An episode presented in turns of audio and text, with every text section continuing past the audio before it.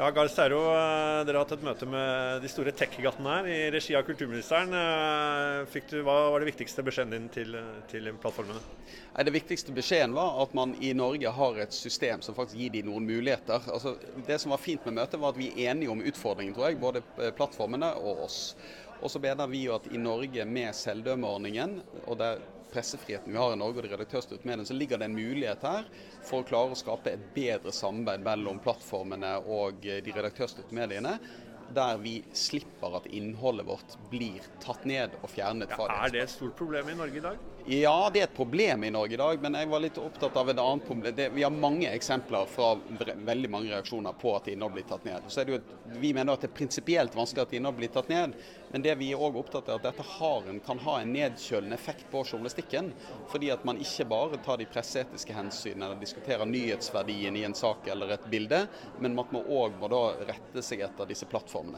Og det er, en, det er en utfordring, for da legger du et lag på journalistikken som ikke bør være der. Vi er inne i en ganske eh, krisepreget verden nå.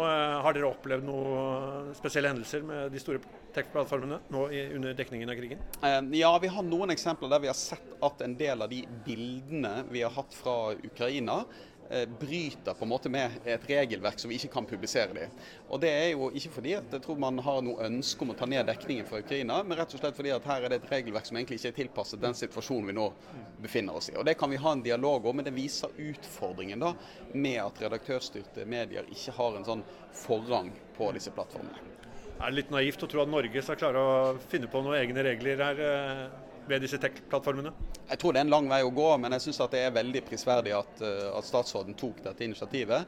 Og jeg syns òg at både Meta og Googles møter i dag altså, det er bra at de møter, de ønsker en dialog. og eh, vi, vi, Jeg tror vi kan komme noen skritt videre. Men om vi klarer å lage et eget system for Norge her som skiller seg veldig fra andre land, er jeg usikker på. Men jeg, jeg, tror vi, jeg er mer optimistisk nå enn før møtet. Takk skal du ha, Gard Særo.